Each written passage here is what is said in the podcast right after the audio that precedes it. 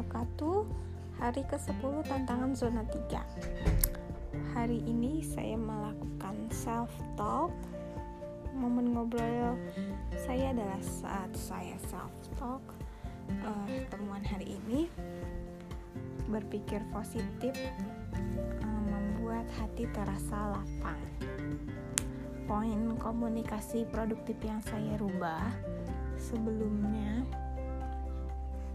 mengerjakan sesuatu dengan berat hati uh, itu menimbulkan uh, emosi malah bikin saya stres dan cepat mudah terpancing emosinya.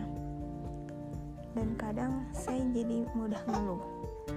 Kemudian uh, saya rubah sesudahnya jadi saya lebih banyak bersyukur terus mengafirmasi positif uh, serta memprioritaskan mana yang uh, lebih didahulukan dan mana yang tidak. Serta saya mengambil waktu istirahat untuk uh, me time uh, dan melakukan sesuatu yang membuat saya happy